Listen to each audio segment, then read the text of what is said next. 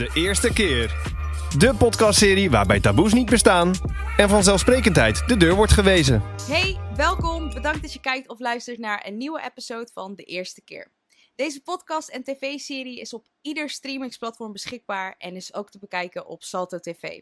In deze podcast en tv-serie komen verschillende mensen te woord. Ze delen hun verschillende eerste keren en op geen enkel onderwerp heerst een taboe. Het is mooi, inspirerend en tof om van elkaar te horen. Het is alleen niet het geval dat ieder verhaal in deze podcast per se voor jou ook zo verloopt. De waarheid van een ander hoeft namelijk niet jouw waarheid te zijn.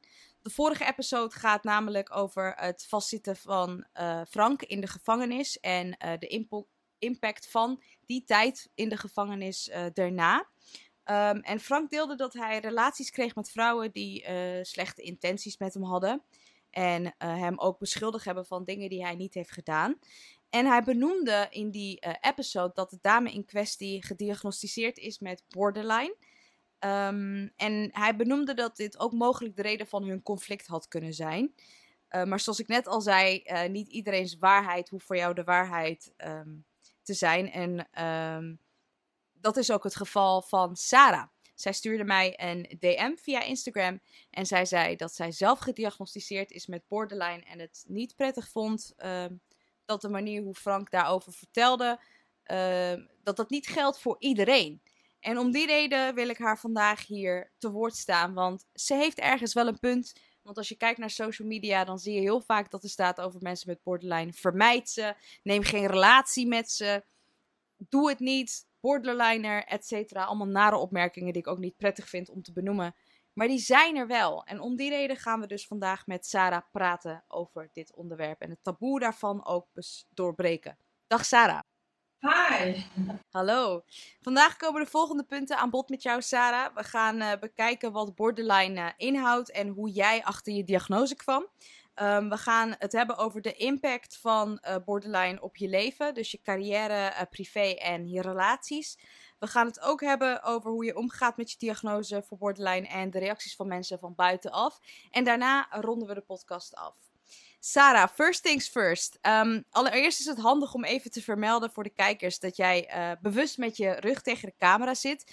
Uh, aangezien we taboes verbreken, kan dit wat vraagtekens opleveren uh, bij mensen, omdat het dan een beetje tegenstrijdig is daarmee. Maar misschien kan je beter zelf even uitleggen waarom jij niet in beeld wil. Ja, nou dat gaat straks eigenlijk veel meer aan bod komen. Hè? uit mijn verhaal kunnen mensen dat wel begrijpen. echter is het zo dat ik in mijn latere carrière wel heel voorzichtig moet zijn met de diagnose, uh, met het benoemen van de diagnose.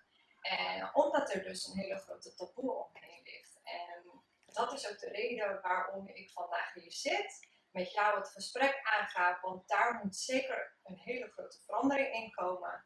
En daarover moeten we alleen maar praten. Dus maak het bespreekbaar en uh, durf er vooruit te komen. Echter is het wel zo dat het niet altijd begripvol uh, erop gereageerd wordt. En dat is de reden waarom ik er wel zeer voorzichtig mee moet zijn. En ik vind dat eigenlijk heel jammer.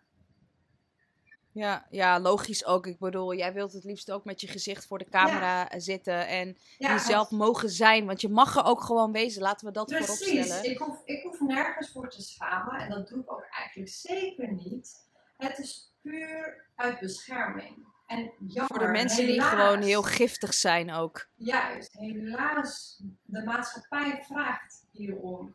En dan ga je er op deze manier mee om. Maar ja, ik vind het echt super jammer. En, dat, en om daar tegen aan te gaan strijden, hè, uh, heb ik zoiets van, maak het op zijn minst wel bespreekbaar. En daarvoor ja, heb ik ja. toch voor gekozen om uh, met jou dit gesprek te gaan voeren. En uh, bedankt dat je mij dat ook hebt gegund. Ja, of course. En Sarah, jij had me dus ook een DM gestuurd via Instagram. En jij zei van, dan als ik heb die uh, episode met Frank geluisterd en het zat me niet helemaal lekker. Misschien kan je ook even mededelen wat je precies hoorde, wat je raakte. Ja, nou, ik vond het ten eerste heel erg knap dat Frank dit heeft gedaan. want ik merk dat het best wel zenuwachtig is.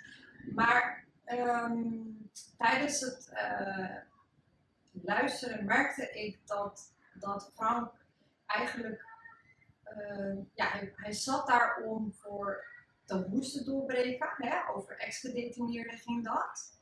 En vervolgens had hij het over zijn ex-vriendin, dat hij narigheid, narigheid daarmee heeft meegemaakt. En vervolgens vertelde hij over haar diagnose. En op die manier kwam het eigenlijk bij mij over alsof hij uh, zijn, uh, zeg maar, hij probeerde te vertellen van, dit is niet waar. Maar hij vertelde daarmee ook haar diagnose en uh, de taboe die daar omheen ligt, hè, over de persoonlijkheidsstoornis borderline. Dat bevestigde hij enorm op dat moment. Terwijl ik denk dat is helemaal niet nodig je hoeft haar diagnose helemaal niet te benoemen. Ja. En dat raakt ja, mij heel erg. Ja, dat, uh, dat, dat snap ik zeker ook, omdat er zo'n negatieve lading uh, heerst over de diagnose. Is het heel goed dat je dit ook benoemd hebt en uh, dat je hier verder over wil vertellen in deze episode. En dit is absoluut ook niks naar Frank toe. Het is gewoon puur dat ja, het iets is wat heel gewoon is geworden in de maatschappij.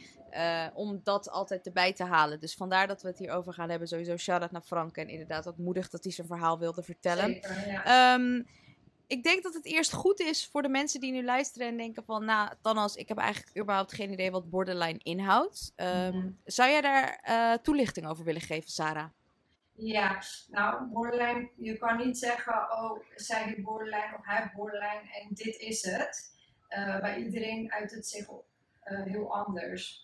Maar wat ik in mijn omgeving heb gemerkt en wat ik er allemaal over heb gelezen is, niemand is geboren met borderline persoonlijkheidsstoornis. Uh, meestal komt het voort vanuit je opvoeding. En uh, ja, op school, wat je hebt meegemaakt in je jeugd, dat speelt een hele grote rol. En aan de hand daarvan, hoe je je emoties toen je jong was hebt geuit en hoe mensen daarop hebben gereageerd, uh, dat heb je dan je, uh, je eigen gemaakt. En aan de hand daarvan uh, ben je eigenlijk verkeerd omgegaan met de emoties, waardoor het zich op een veel heftigere manier is gaan uiten. en nogmaals, bij iedereen is het gewoon heel anders, maar wat er in kwestie vooral om gaat, is dat je moedwisselings hebt. Dus dat betekent dat je uh, de ene moment kan je heel blij zijn, maar de andere moment kan je ook heel snel je aangevallen voelen. Uh, heel rustig zijn, teruggetrokken zijn. Uh, je hebt mensen die destructief zijn. ja, je hebt echt verschillende dingen. maar waar het om gaat is dat deze personen in crisis kunnen belanden en eigenlijk voelen ze zich ongehoord, wanhopig en verdrietig. Maar dat zijn de primaire behoeftes en waar het zich in uit is, de secundaire behoeftes. En dat is omdat ze het op deze manier hebben geleerd in hun jeugd. En de secundaire behoefte is dan op dat moment huilbuien of dus de destructief zijn en um, boos zijn, uh, dat soort dingen. Maar eigenlijk okay. wat de behoefte is, dus eigenlijk genegenheid en uh, een luisterende oor, begrip dat soort dingen. Oké, en um, je benoemde net ook dat het iets is waar je dus niet mee geboren wordt. En dat het iets is wat eigenlijk gaat mm -hmm. versterken door middel van wat je hebt meegemaakt. Mm -hmm. um, hoe ben jij erachter gekomen dat jij borderline hebt? Ja, nou, ik uh, had een uh, relatie. En in mijn relatie merkte ik dat ik het heel moeilijk vond om uh, om te gaan met uh, mijn partner. En ik merkte dat ik um, ja, best wel heftige emoties had. En ik wist niet zo goed hoe ik ermee moest omgaan met die emoties. En toen uh, vertelde ik dat wel eens aan mensen om me heen. En die schrokken daarvan. En ik dacht, oh, is dit iets waar je van moet schrikken dan? Omdat ik het niet anders ken, hè, nogmaals. Uh, maar wat was dat dan? Als je daar een voorbeeld, sorry dat ik je onderbreek, maar als je daar een voorbeeld van uh, kan geven? Nou, wat dat was, is dat uh, bijvoorbeeld als uh, mijn partner uh, ja, niet naar mij luisterde, omdat ik op dat moment eigenlijk heel erg de behoefte had om gehoord te worden, dan ging ik daar heel erg op in. Je moet naar mij luisteren, je moet naar mij luisteren. Nee, je hoort me niet. En Uh, maar dan boos worden, hè? Dan werd ik boos. Ja, je, hoort, je luistert niet naar me. En, en dan kon het ook op een andere manier zich uiten. Namelijk, dan kon ik hem duwen, dat soort dingen. En, en dat is ongepast in de maatschappij. En als ik dat dan vertelde, dan was het zo van: oké, dit gaat best wel heftig aan toe. Uh, maar in mijn uh, gedrag kan je het ook merken, want uh, ik heb momenten dat ik heel druk kan zijn of dat ik heel rustig ben. En op school heeft mijn mentor dat opgemerkt en zij had mij een mailtje gestuurd van zou jij na de les even kunnen blijven zodat we een gesprek aangaan, want ik merk dat het niet helemaal lekker gaat met je. Dus ik dacht, hè, waar merkt zij dat nou aan? Nou, uh, na de les heb ik een gesprek met haar gehad en uh, ik voelde me op mijn gemak en ik durfde haar alles te vertellen. En uh, ja, ik werd emotioneel en zij vertelde mij dat het misschien toch wel handig is om naar de psycholoog te gaan. Dus ik ben op haar advies naar de huisarts gegaan en een verwijsbrief gevraagd bij de uh, bij de huisarts voor uh, psycholoog. En wat ik daar heb verteld is bij de psycholoog, ja, ik heb relatieproblemen. dat zei ja. ik. Terwijl, ja, want je wist het ook niet, toch? Ja, ik bedoel, uh, je had gewoon relatieproblemen. Ja, ja, ik had geen idee waar komt dit allemaal vandaan, wat is dit nou? Maar ik dacht, ja, ik kan gewoon niet met mijn partner omgaan. En zo doen we. En toen zei de psycholoog meteen van, nou, dit ligt aan jou. Nou, we hebben een aantal sessies gehad en zij merkte eigenlijk uh, na drie sessies al van, je hebt trekjes van borderline. Uh, dat wilde ze, kijk, daar begon het al, hè, hoe voorzichtig zij was. Zij uh, wilde mij niet de diagnose geven van borderline, want ze zei, als ik dat ga doen, dat gaat jouw leven lang achtervolgen. En op dat moment begreep ik daar helemaal niks van. Ik dacht bij mezelf, uh, ja, dus. En nu, nu, als ik terugkijk, dan begrijp ik dat natuurlijk wat ze daarmee bedoelde. Uh, maar ja, dat was het eigenlijk. Dus uiteindelijk heeft ze de diagnose wel ge gesteld? Nou, ze heeft me nog doorverwezen, want ze zei: Ik denk dat er iets meer speelt. En uh, toen heeft ze me doorverwezen, want um, ja, ik ben getraumatiseerd en het was toch handig om eerst de trauma's aan te pakken. Ja. Ehm, dus, uh, en dat kon zij niet doen. Dus ik ben doorverwezen om de traumabehandeling aan te gaan en vervolgens uh, borderline aan te pakken. Oké, ja. En, en inderdaad ook wel heftig om dan meteen van je eigen psycholoog te horen van... Nou, ik wil het eigenlijk niet vaststellen, want dan gaat je achtervolgen. Dus je hebt die angst eigenlijk al vanaf het proces al meegekregen. Terwijl op dat moment wil je eigenlijk dat iemand zegt... Het komt allemaal wel goed en zo en zo kan je ermee omgaan. Maar het was al meteen van, als ik dit ga doen, dan verandert je leven compleet. Dus er heerst ook binnen de zorg een taboe op het onderwerp, merk ik. Aan de hand van wat je nu zegt. Ja, ja. Zeker. Daar komen we sowieso ook uh, uh, later op terug hoor, op dat uh, stukje.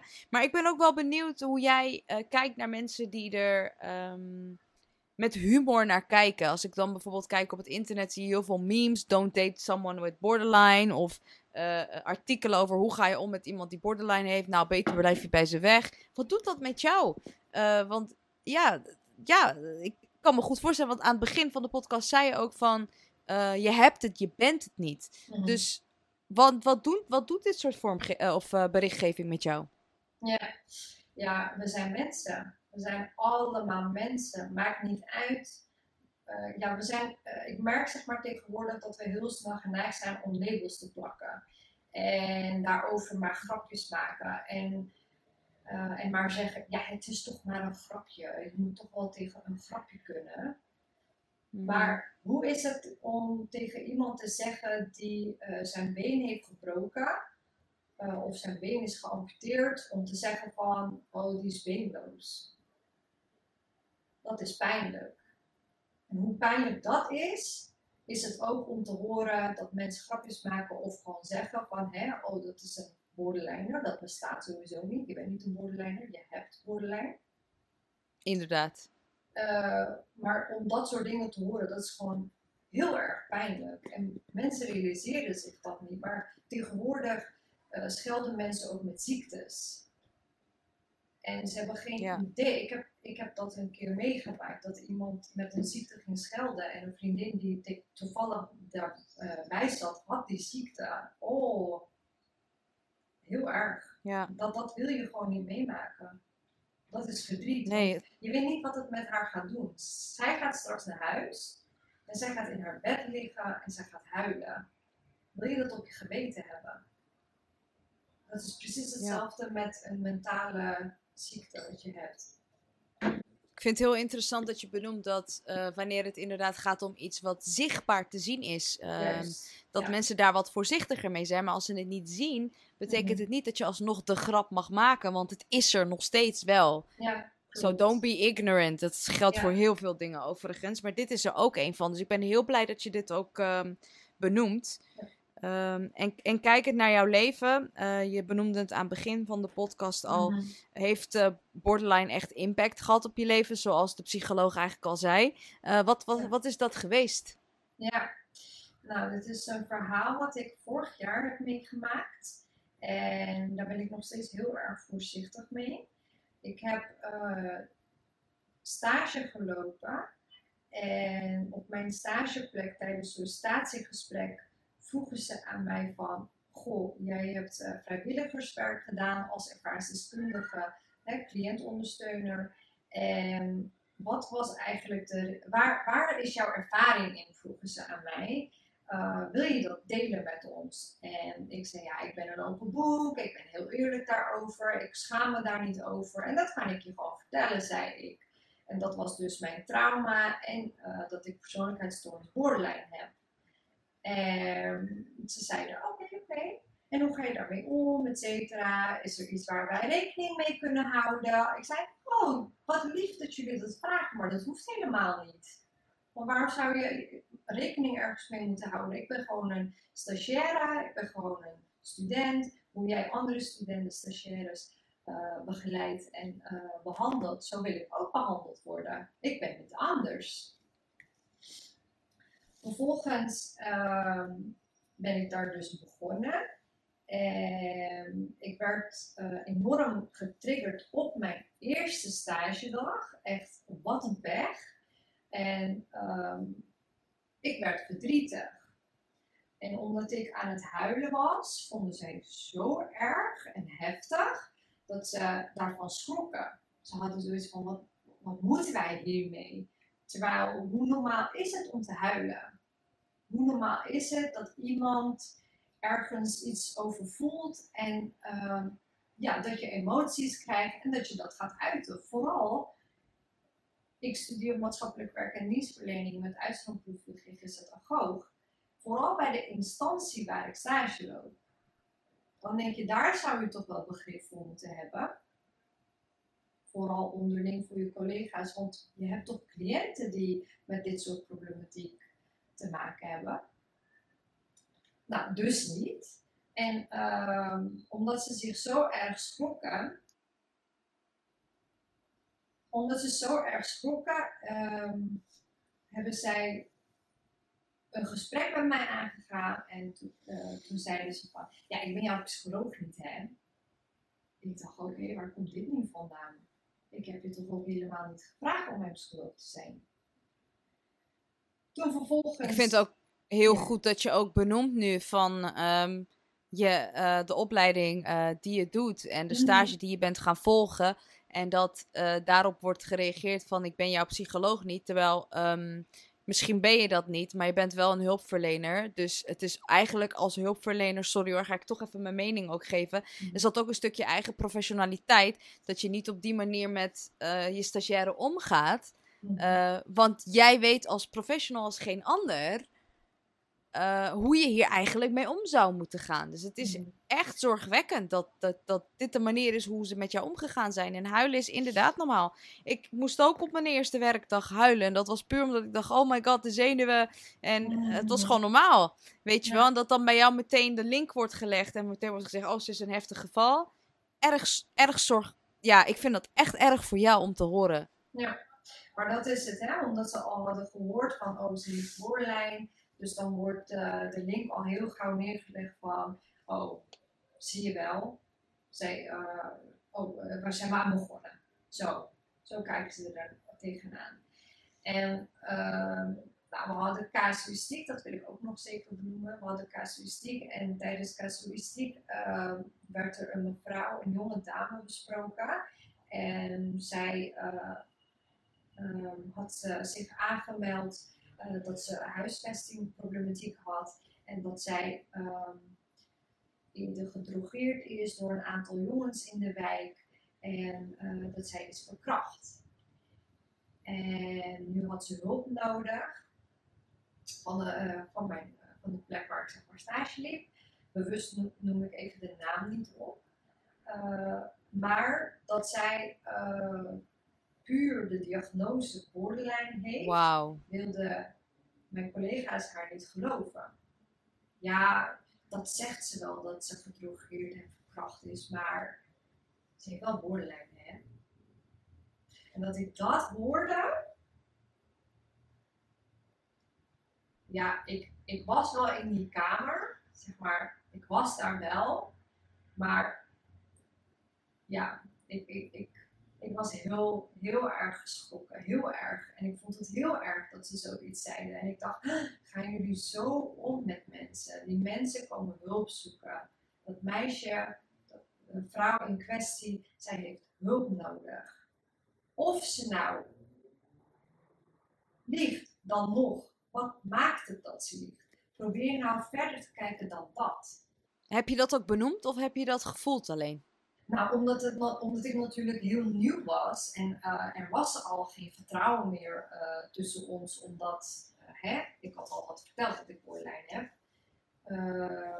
durfde ik niks te zeggen. Maar een andere collega die van een andere vestiging kwam en zij zat ook nog nieuw bij, bij het team, zij benoemde een aantal plekken, zoals geweld, seksueel misbruik, dat je daar altijd beroep op kan doen en advies kan vragen en dat je haar daar naartoe kan verwijzen. dat soort dingen. Dus ik dacht, yes, iemand eindelijk die een beetje verstand heeft en hoe je dingen moet aanpakken en die een beetje advies kan geven in ieder geval en niet alleen maar oordelen. Dus dat vond ik Zo erg dit, hè? Ook gewoon dat, dat mensen dan zo'n opleiding hebben gedaan om hulpverlener te worden. En dan ga je oordelen, terwijl je moet eerst het verhaal van iemand luisteren. En zeker met betrekking tot seksueel uh, geweld of, of intimidatie. Hoe kan je dan zeggen, nee, dat is jouw schuld? Ik krijg gewoon errors. Ik kan gewoon niet geloven dat in een professionele instantie dit is gezegd. Ja, ja ik ook. En ja, ik werd er eigenlijk al voor gewaarschuwd van weet je wel zeker dat je daar stage wilt lopen. Want uh, dan moet je wel echt keihard wikkelen. Want ik heb een hele andere perspectief natuurlijk. En hoe zij zeg maar te werk gaan was al bekend bij mijn school.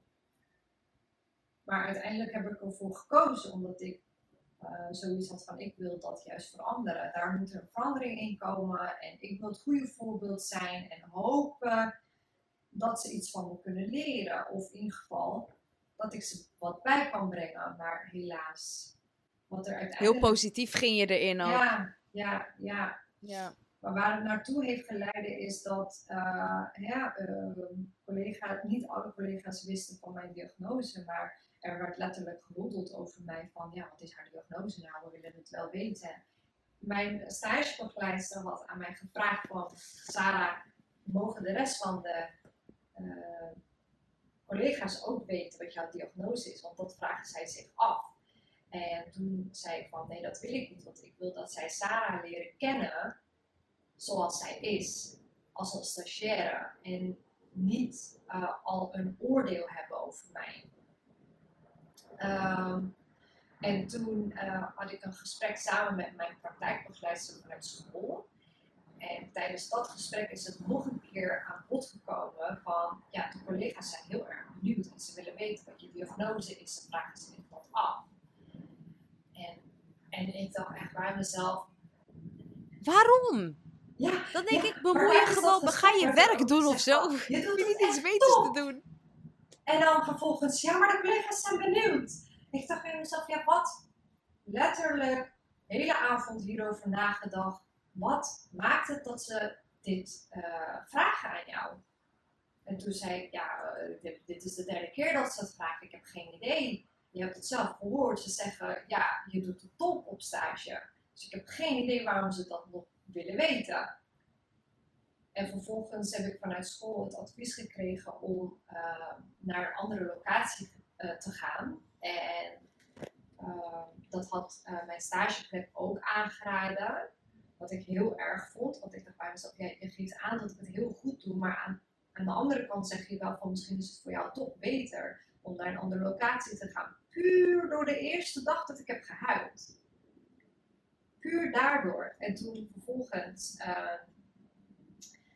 heb ik voor mezelf zeg maar nagegaan, ben ik nagegaan, oké, wat wil ik, wat is goed voor mij, uh, wat brengt dit mij, wat uh, neemt dit van mij weg.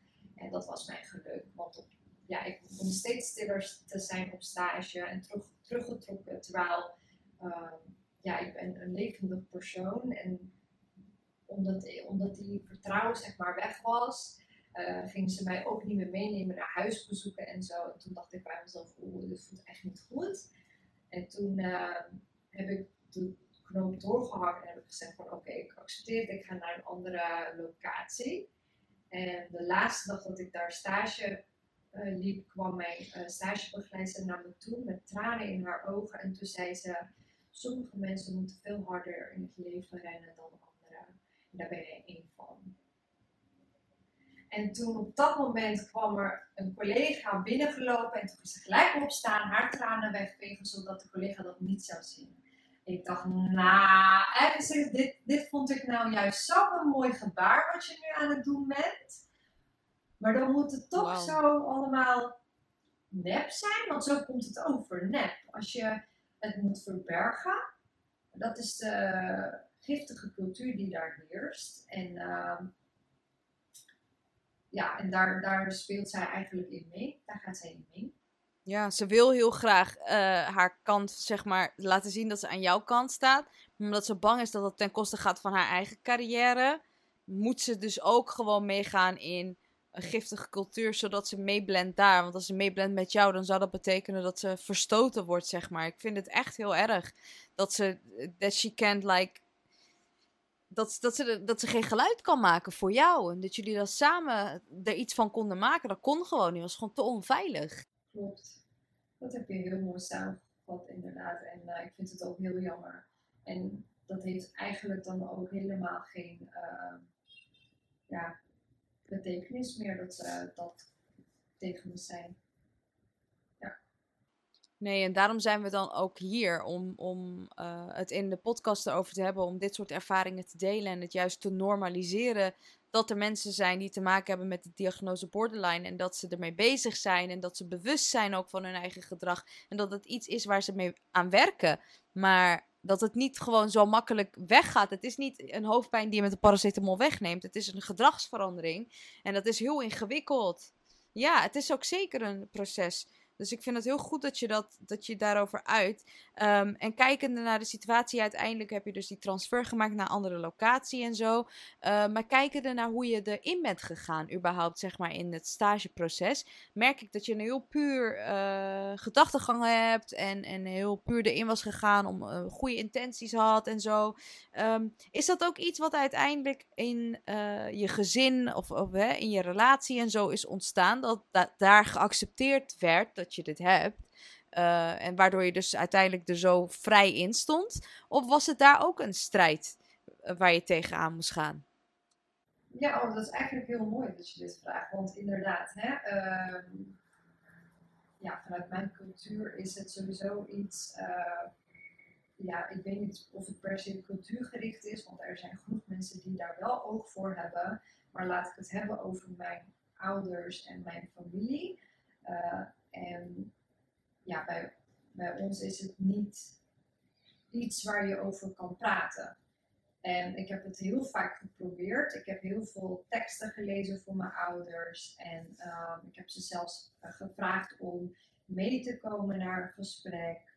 Uh, of dat er uh, meetings zijn waar je aan kan sluiten om te leren begrijpen wat er nou eigenlijk door mij heen gaat en hoe je met mij om kan gaan.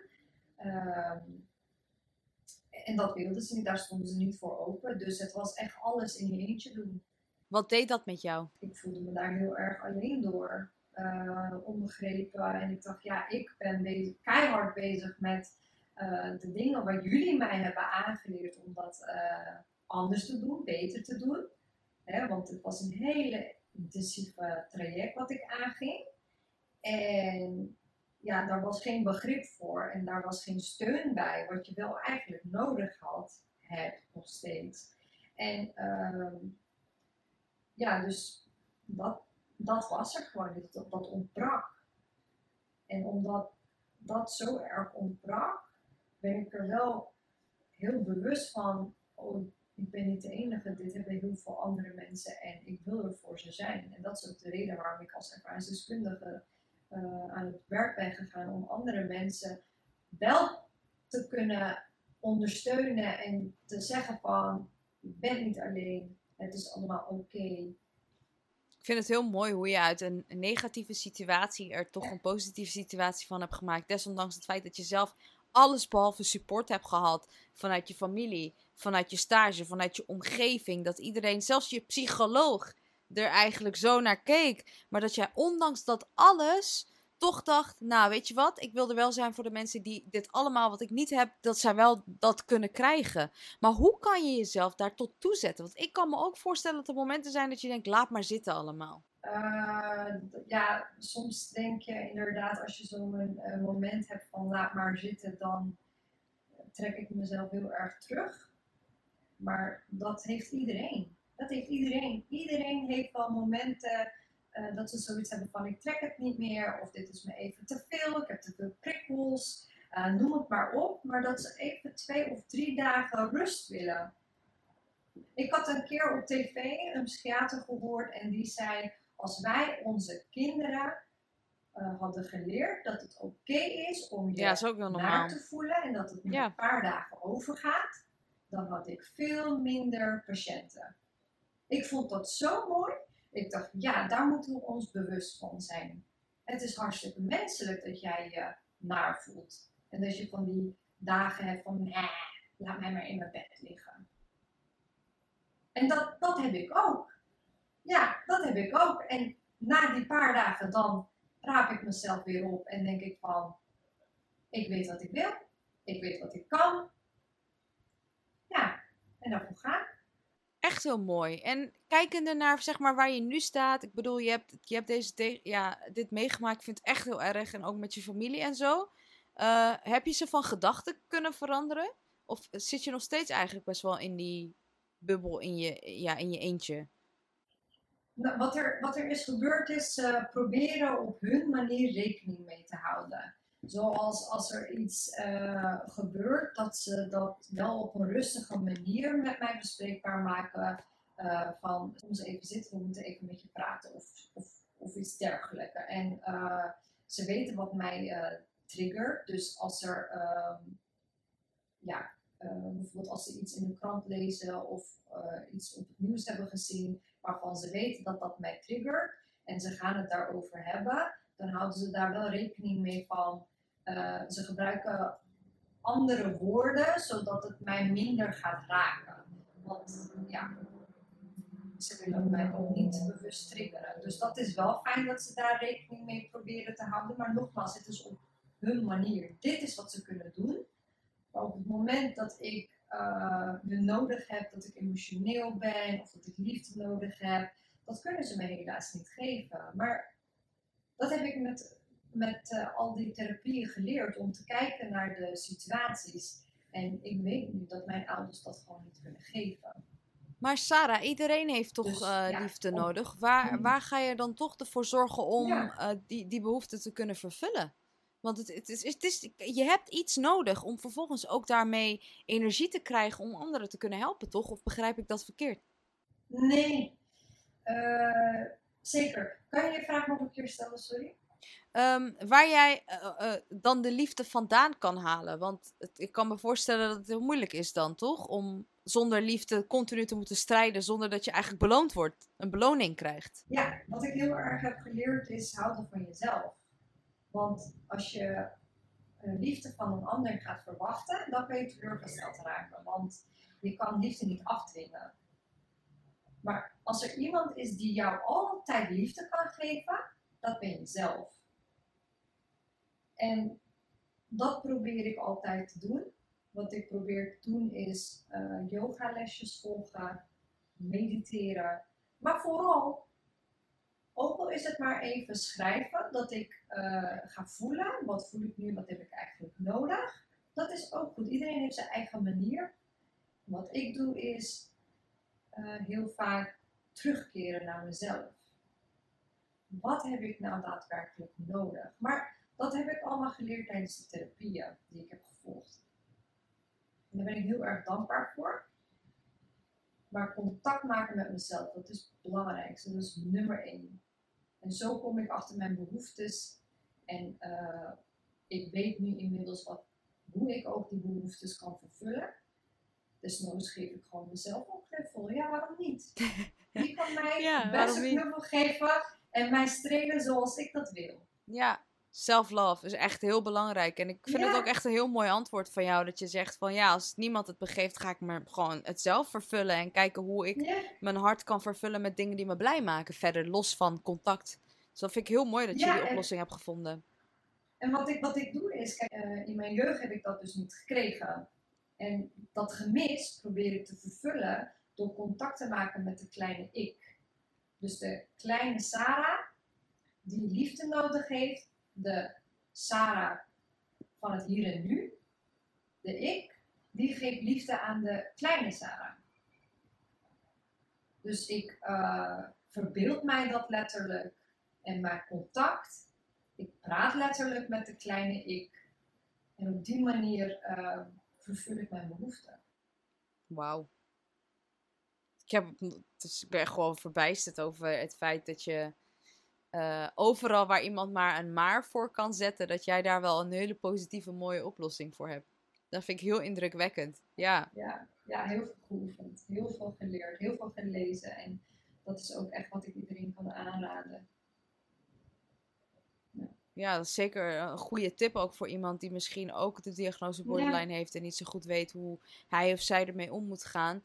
Maar Sarah, waar ik dan um, ook heel erg benieuwd naar ben, is: kijk, het, het is wel een taboe. En ik hoop ook naar aanleiding van dit gesprek dat mensen luisteren en ik, oh, Sarah heeft gewoon last van de dingen waar wij ook last van hebben. Zoals af en toe heftig reageren op iets. Zoals af en toe misschien minder heftig reageren. Het, zijn gewoon emoties die gewoon net even wat anders in elkaar zitten. Net even anders geuit worden dan bij een ander. Maar hoe kunnen we dan toch ervoor zorgen dat iedereen er zo naar kijkt zoals jij en ik ernaar kijken? Ja, dat is een hele goede vraag. Ik denk dat we, uh, wat ik persoonlijk doe, is even achteroverleunen en luisteren. En niet gelijk vragen, bedenken of wat dan ook, maar puur luisteren. Want als we luisteren, dan komen we wel achter waar eigenlijk de behoefte ligt. En als we luisteren, dan geven we diegene eigenlijk ruimte om er te mogen zijn. Dat denk ik, ik denk dat dat belangrijk is. En uh, ik denk dat het goed is om in te lezen van hoe is dit nou ontstaan? Waar komt dit nou vandaan? Nogmaals, iedereen is een mens en niemand is geboren met de diagnose. En uh, de gevoelens, die zijn niet zomaar ontstaan. Emoties die ze zo voelen, dat is niet zomaar ontstaan. Dat komt allemaal ergens vandaan. En als je dat weet te achtervinden, dan kan je dat ook aanpakken. En dan kan je ook begrip hebben. Ik denk dat dat het belangrijkste is.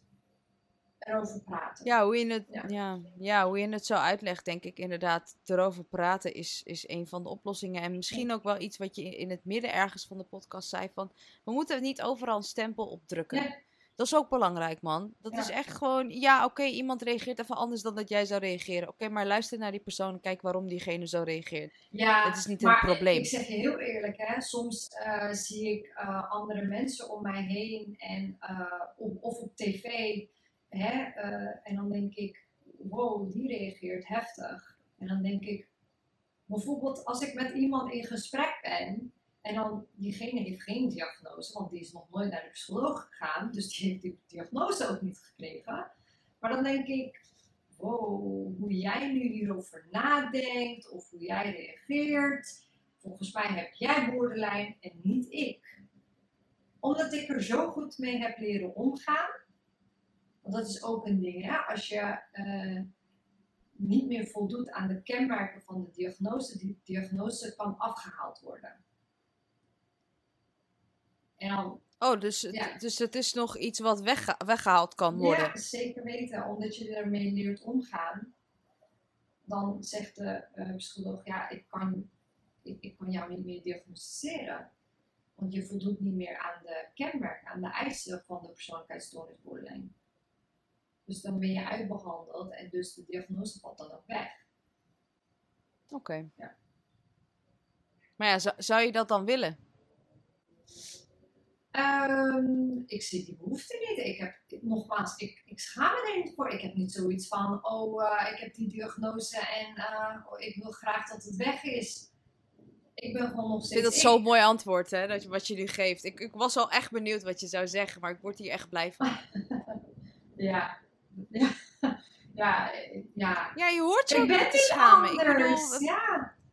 Nee, je bent niet anders. We hebben allemaal wel wat. Toen ik aan mensen vertelde dat ik een burn-out uh, heb gehad, toen was het ook van, oh, dan kan, dan kan jij misschien minder veel werken. Nee, ik werk juist hard. Dat is, dat is de reden. Ik heb veel te hard gewerkt, waardoor het mis is gegaan. Nu probeer ik balans te vinden. Dus dan zeg ik vaker nee, inderdaad. Omdat ik niet weer in die situatie terecht wil komen. Dus dat is ook raar. Dat zie je ook in het nieuws nu. Mensen die burn-out burn hebben gehad, komen minder snel aan het werk dan mensen die dat niet hebben gehad. Waarom? Het zijn fucking harde werkers, maar ze zijn op hun bek gegaan. Geef die mensen juist een kans. Dat zijn ook strijders. Waar, waar, staat het op? Ja, belachelijk. Echt belachelijk. Ja, dan wordt er weer gekeken. Dus hè, dat, dat is de taboe weer. Dan wordt er weer gekeken naar de label. Terwijl je kijkt niet meer naar wat diegene kan. Diegene kan heel veel. Dat is echt zo. Ja. En dat is ook met borderline, hè? Ik bedoel, ik ben, ja, ik, tuurlijk. Ik, ben, ik ben Sarah en als mijn vrienden mij gaan omschrijven, gaan zij niet zeggen: Oh, Sarah heeft borderline. Nee. Als mijn vrienden over mij praten, want ik vraag uh, vaak uh, feedback terug van hun en uh, dat doen ze ook vanuit hunzelf. Zij zeggen dat ik gewoon een hele leuke vriendin ben en dat zij mij heel graag erbij willen hebben, omdat het gewoon gezellig is.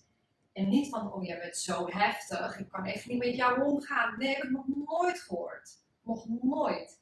En tuurlijk kan ik wel een discussietje hebben, of tuurlijk kan ik wel ergens mee oneens zijn, of dat ik iets niet leuk vind. Maar dat hebben we toch allemaal? Als je er maar over kan Met alles. Praten. Dat is het. Communicatie is de key.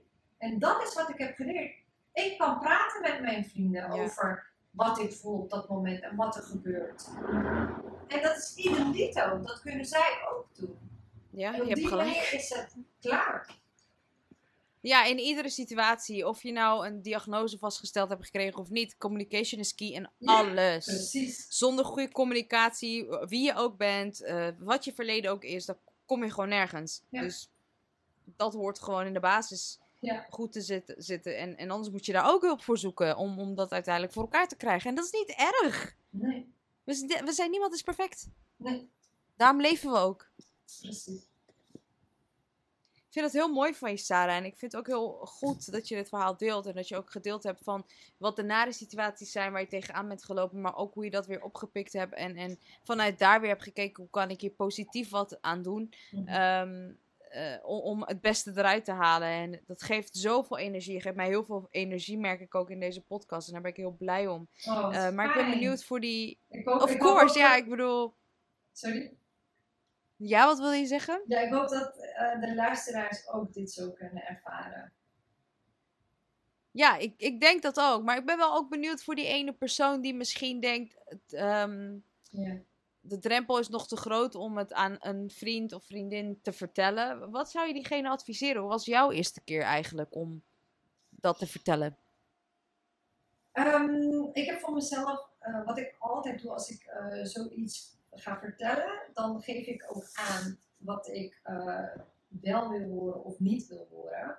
Ehm, en wat zijn de voordelen, wat zijn de nadelen?